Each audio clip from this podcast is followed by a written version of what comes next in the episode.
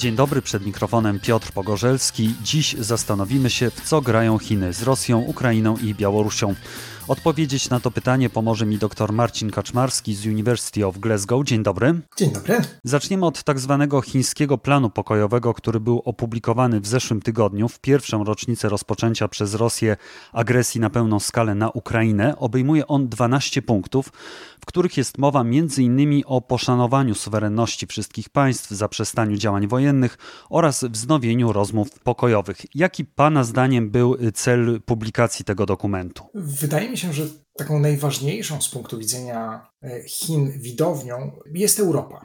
To znaczy, to Europie Chiny chcą pokazać przede wszystkim, że potrafią zaangażować się pozytywnie, chcą e, zminimalizować to utrzymujące się wrażenie, że Chiny stoją po stronie Rosji, Ponieważ jeśli popatrzymy na potencjalnych partnerów i potencjalnych zainteresowanych tym planem, to w przypadku Rosji Chiny zawarły w planie takie punkty, które Rosji też będą odpowiadać. E, plan jest bardzo ogólny, nie jest w żaden sposób, nie można go odczytywać jako krytykę Rosji. Jeśli chodzi o Stany Zjednoczone, to ja mam wrażenie, że dla elity chińskiej konflikt i rywalizacja ze Stanami Zjednoczonymi jest, stała się stałym elementem rzeczywistości międzynarodowej. I cokolwiek by Chiny nie zrobiły, to nie zmienią e, obecnego nastawienia elity amerykańskiej, czy też elit amerykańskich. Natomiast w przypadku Europy, Europa wciąż próbuje, i to widać w, praktycznie w każdym kraju, próbuje zdecydować, jaką politykę wobec, wobec Chin prowadzić. I ja bym widział ten plan pokojowy i tę inicjatywę jako próba wyjścia i wsparcia, wyposażenia w argumenty tej części elit w Europie, która jest za pewnym zdystansowaniem się od Stanów Zjednoczonych, jeśli chodzi o politykę wobec Chin. Tych, którzy chcieliby utrzymywać dobre relacje z Chinami mimo faktycznego chińskiego wsparcia dla Rosji w tym konflikcie. Więc ja bym to widział jako element chińskiej gry przede wszystkim właśnie z Zachodem i, i jakiś element też e, rozbijania jedności Zachodu. No jednocześnie jest jakiś element, na pewno element też, jest też wymiar globalny, czyli to, że Chiny chcą przedstawić się jako kraj, który potrafi zaoferować pewne rozwiązania, który próbuje wejść w nową rolę w wymiarze globalnym, ale sam fakt, że plan ma tak mało szczegółów, też chyba pokazuje, że jest to cały czas jakiś balon próbny. To znaczy, Chiny cały czas próbują odnaleźć się jako supermocarstwo rodzące się i, i cały czas nie, jeszcze nie, ja mam wrażenie, że nie są w stanie w pełni tego, tego swojego celu osiągnąć, żeby się w ten sposób pozycjonować na arenie międzynarodowej. I wydaje się, że też nie osiągnęły tego celu na Zachodzie. To znaczy, publikując ten plan, właściwie od razu spotkały się z krytyką Zachodu, bo zarówno kanclerz Niemiec, Olaf Scholz, jak i szef NATO też się sceptycznie wypowiadali o tym planie. To znaczy, tam brakuje tego jednego punktu, który jest właściwie konieczny i który też powtarzają przywódcy zachodni, że rosyjskie wojska powinny opuścić Ukrainę. Chińczycy tego nie wpisali i chyba mogli oczekiwać takiej reakcji od Zachodu. To, to jest to kluczowe pytanie, jak, na ile przywództwo chińskie rzeczywiście, rzeczywiście rozumie, jak, jak Zachód funkcjonuje, czy jednak ma taką bardzo cyniczną wizję, ostatecznie fałszywą wizję, że Zachód jest koniunkturalny, że Zachód nie jest w stanie dostatecznie długo pomagać Ukrainie. Wydaje mi się też, że Chiny starały się uniknąć w tym, w tym planie pokojowym. Absolutnie się zgadzam z tym, że wystarczyłoby dodać jedno, jedno zdanie, które by wyraźnie powiedziało, kto jest agresorem, jaka, kto, kto tę wojnę zaczął. Natomiast wydaje mi się, że Chiny chcą za wszelką cenę uniknąć sytuacji, w której jakieś ich posunięcie, na przykład nazwanie Rosji, wskazanie na Rosję w, w planie pokojowym, byłoby zinterpretowane jako wyraz pewnej słabości relacji rosyjsko-chińskiej. Wydaje mi się, że to jest jedna z przyczyn, dla których Chiny też utrzymywały tę pozycję tak zwanej neutralności, to znaczy nie, nie, nie krytykowały w żaden sposób putinowskiej Rosji i tej polityki, właśnie żeby stworzyć wrażenie, że nic złego nie dzieje się w relacjach rosyjsko-chińskich, że nie ma żadnych problemów spornych, a jeśli tylko jakieś się pojawiają, to one są generowane tak naprawdę przez aktorów zewnętrznych. A czy te problemy są w relacjach chińsko-rosyjskich? Jeśli mówimy o, o, problemach, to one są, ja bym powiedział, to są problemy długofalowe, które wynikają przede wszystkim z tej pogłębiającej się asymetrii między Chinami a Rosją. Asymetrii, która jest z jednej strony w wymiarze materialnym, jeśli popatrzymy na wielkość i zróżnicowanie gospodarek, jeśli popatrzymy nawet na sam budżet wojskowy, a z drugiej strony to jest jednak asymetria w tym, jakie są długofalowe trajektorie tych, tych krajów. Rosja przy wszystkim, przy tym, jak bardzo jest w stanie zmobilizować swoje zasoby, jest jednak mocarstwem schyłkowym. Chiny są aktorem, który, jak widzimy, cały czas jest w stanie rosnąć zarówno gospodarczo, jak i w wymiarze międzynarodowym. Prze, przez lata Chiny wykazywały się dużą cierpliwością wobec Rosji.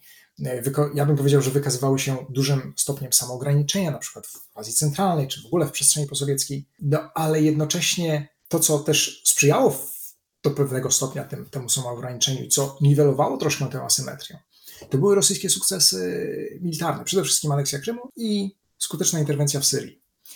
Natomiast e, konflikt w Ukrainie, który pokazał, jak bardzo ostatecznie słabą, czy, czy, czy też źle przeprowadzono złą modernizację, niepełną i pokazał wszystkie słabości rosyjskich sił zbrojnych.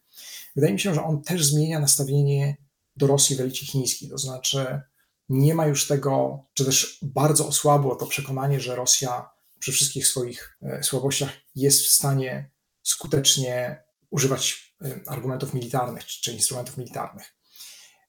Więc y, o ile nie ma, ja bym powiedział, nie ma takich bezpośrednich konfliktów między, między Rosją a Chinami, nie ma bezpośrednich punktów, gdzie byśmy mogli bardzo wyraźnie wskazać, że tu Rosja i Chiny się zupełnie nie zgadzają. Natomiast no jest ten potencjał e, rosnącego aktora, który ja bym powiedział, że może być coraz bardziej, mówiąc kolokwialnie, zirytowany tym, e, co, co robi Rosja, jak nieskuteczna jest Rosja z punktu widzenia chińskiego, jak zaczyna przeszkadzać chińskim interesom raczej niż, raczej niż pomagać. I właśnie o to chciałem zapytać, o tę irytację. Na ile Chinom przeszkadza ten konflikt? To, znaczy przeszkadza na przykład w robieniu interesów w Europie Zachodniej, w Stanach Zjednoczonych, w transporcie towarów przez terytorium Rosji, na ile się staje to problematyczne i przewyższa te zyski, które ten konflikt potencjalnie generuje, czyli na przykład możliwość kupowania taniej surowców od Rosji, czy też wykupywania przedsiębiorstw na terytorium Rosji za mniejszą, niższą cenę, a także na przykład przenoszenie produkcji samochodów na przykład właśnie na terytorium Rosji. Tutaj rosyjscy eksperci już mówią o tym, że w tym roku może być 60% rosyjskiego rynku właśnie samochodów zdominowana przez produkcję chińską. Czyli z jednej strony są jakieś korzyści, a z drugiej strony jest ta irytacja.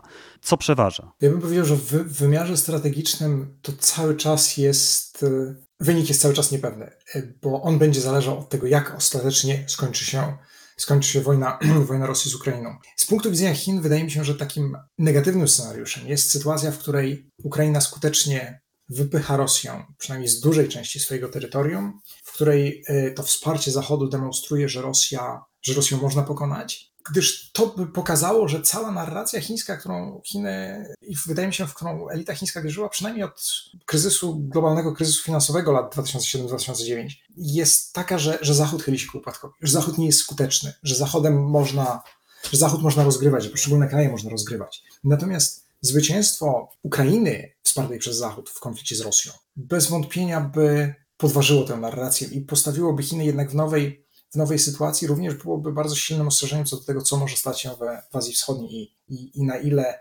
Zachód jednak może wspierać niezależność e, poszczególnych graczy w Azji Wschodniej. Z kolei, jeśli ta wojna skończy się w którymś momencie jednak sukcesem Rosji, no to by przeważyła nad tymi wszystkimi negatywnymi aspektami, o których, o których Pan wspominał. Mm, więc w tym momencie wydaje mi się, że jest e, dość duży podział, to znaczy z punktu widzenia poszczególnych aktorów ekonomicznych w Chinach z punktu widzenia przedsiębiorstw, zarówno prywatnych, jak i państwowych. Te wszystkie możliwości, które otwierają się w Rosji, są świetną okazją. Z punktu widzenia przywództwa, wydaje mi się, że tu już jest, jest dużo, dużo gorzej, bo e, ani nie spodziewano się takiego przebiegu wojny, na pewno nie spodziewano się takiej mobilizacji Zachodu, utrzymywania się tej jedności Zachodu, więc wydaje mi się, że tutaj e, przywództwo chińskie ma dość dużą zagwozdkę, mówiąc bardzo kolokwialnie. Czy to przywództwo by bardziej nie skorzystało, jeżeli by poparło jednak Zachód i Ukrainę zdecydowanie? Z punktu widzenia chińskiego raczej nie, bo to chyba, to chyba znowu wróciłbym do tego, o czym, co, o czym rozmawialiśmy na samym początku. To znaczy, wydaje mi się, że Chiny są przekonane, że Stany Zjednoczone są zdeterminowane, żeby ten wzrost Chin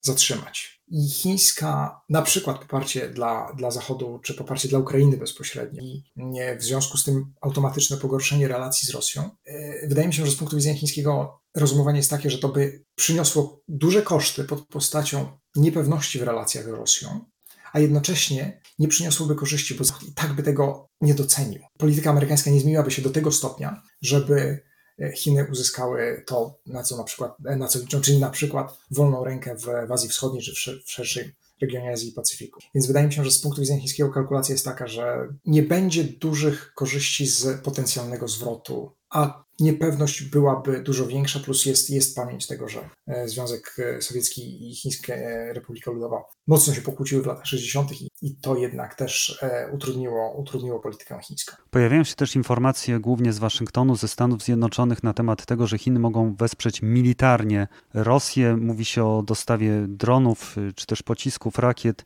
Na ile Pana zdaniem jest to prawdopodobne, na ile jest to po prostu wojna informacyjna i taka próba ostrzeżenia ze strony Waszyngtonu pod adresem Pekinu? Ja bym skłaniał się do tej drugiej opcji, gdyż nie wydaje mi się, żeby były duże korzyści dla Chin z otwartego wspierania Rosji.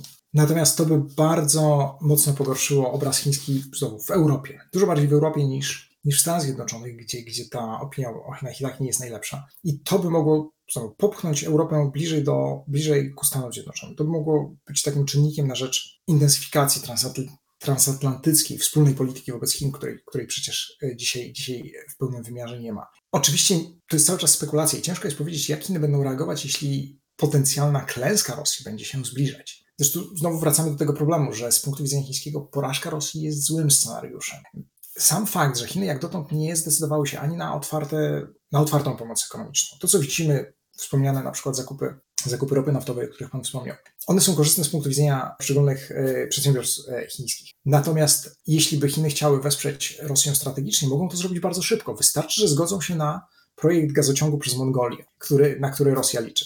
Jak dotąd takiej zgody nie widzieliśmy. Wyraźnie Chiny nie chcą wysłać takiego otwartego sygnału, że stoją po stronie Rosji. Więc ja bym na przykład nie wykluczał, że będą próby dostawy, dostarczenia broni do, do Rosji. Może za pośrednictwem Korei Północnej, może za pośrednictwem aktorów, od których można się będzie odciąć i powiedzieć, że to była ich inicjatywa. Natomiast cały czas ja bym był sceptyczny raczej wobec takiego otwartego rzucenia przez Chiny otwartego wezwania wobec państw zachodnich i, i jednoznacznego powiedzenia się po stronie Rosji w praktyce nie, nie tylko w tym wymiarze politycznym, bo to w wymiarze politycznym oczywiście obserwujemy, ale w wymiarze, w takim praktycznym wymiarze strategicznym, gdzie pomoc chińska ma taką skalę, że ona może przeważyć albo przynajmniej zrównoważyć te korzyści, które, czy tę pomoc, którą Ukraina dostaje z, od Zachodu. Już kończąc kwestię tego planu pokojowego, rosyjscy analitycy wskazują, że te 12 punktów było skierowane także do odbiorców w Azji. I chodziło o to, żeby pokazać tam, właśnie w tym regionie, że Chiny są silnym państwem, które ma swoje propozycje, a przy tym nie są państwem agresywnym i proponują właśnie trzymanie się zasad prawa międzynarodowego. Czy pan by się zgodził z takim podejściem? Wydaje mi się, że